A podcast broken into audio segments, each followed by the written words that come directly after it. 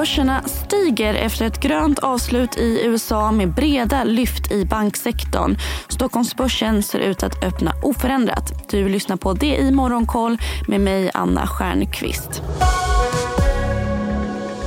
Shenzhenbörsen handlas runt nollan. Shanghai stiger en halv procent och Hongkongbörsen en och en halv procent. Aktiviteten i Kinas ekonomi återhämtade sig från pandemin i början av året om än i en något lägre takt än väntat. Det visar ny makrodata från perioden januari till februari. Detaljhandeln ökade som väntat 3,5 procent. Industriproduktionen steg marginellt mindre än väntat med 2,4 procent samtidigt som investeringstakten ökade mer än väntat. Tokyobörsen handlas oförändrat. Protokollet från det senaste räntemötet bekräftar en expansiv penningpolitik. USA-börserna tappade fart när en amerikansk drönare kolliderat med ett ryskt stridsplan för att störta i Svarta havet. Men dagen avslutades starkt. S&P 500 steg 1,5% och Nasdaq 2% Flera regionala banker rekylerade upp och inflationstakten mattades av något i februari i linje med analytikernas förväntningar. Kärninflationen ökade 5,5% i årstakt men ökningen mot i januari 0,5% var något mer än vad marknaden hade räknat med och även den största ökningen på fem månader. Tioåringen står i knappt 3,7% och tvååringen strax över 4,3 Wells Fargo och City steg 5 respektive 6% Även nischbanken First Republic som befarats vara nästa tur av bankerna att kollapsa rekylerade upp 27% och steg även över 8% i efterhanden. Kreditvärderaren Moody's har sänkt sin syn på banksystemet från stabila till negativa. Och Fed... Där det finns ett samhälle, där finns det brott. Krimrummet är podden som tar brottsligheten på allvar.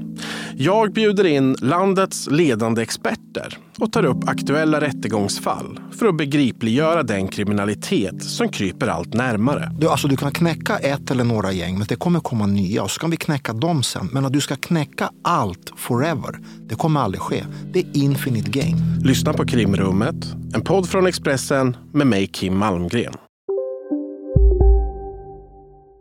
Överväger nu att skärpa reglerna för medelstora banker med tillgångar på mellan 100 och 250 miljarder dollar. Det rapporterar Wall Street Journal. Räntekänsliga teknikaktier steg kring förväntningar om lägre räntehöjningar från Fed. Hembyggaren Lennar steg över 3% i efterhanden på en stark rapport. Så Sverige, där temperaturen på den svenska bostadsmarknaden är fortsatt frostig. Det är enligt SBABs nya mätning Bomarknadstempen som gör tillsammans med bostadssajten Booli. Men det finns ett par ljusglimtar med en mindre vändning för hus och en fortsatt svag förbättring bland bostadsrätter. Atlas Copco förvärvar ett amerikanskt bolag inom halvledar och vakuumindustri med intäkter på cirka 27 miljoner dollar i fjol. Vindkraftsbolaget Arise förvärvar 51 procent av aktierna i ett finländskt bolag aktiva inom landbaserad vindkraft och solkraft och det för 12 miljoner euro. På agendan idag svensk inflation som väntas minska något till 9,2 procent. Kärninflationen rensat för energi väntas dock ligga oförändrad på 8,7 procent och det är efter en oväntat hög siffra i januari. Även kärninflationen i euroområdet steg ju även i februari. Men återstår fortfarande en till inflationssiffra innan Riksbanken ska lämna nästa räntebesked i april. Och dagens inflationssiffra följer vi upp med Nordea Nordeas chefsekonom Annika Winst live på di.tv. Dessutom amerikanska producentpriser och detaljhandel som kan ge en fingervisning på hur konsumenterna mår. På lite samma tema redovisar H&M försäljningssiffror idag och även H&M's konkurrent Inditex som äger klädkedjan Zara rapporterar. Missa inte heller DIs övriga poddar, bland annat Börsmorgon som släpps vid 11. Mer nyheter som vanligt på sajt. Det är onsdag den 15 mars. Jag heter Anna Stjernqvist.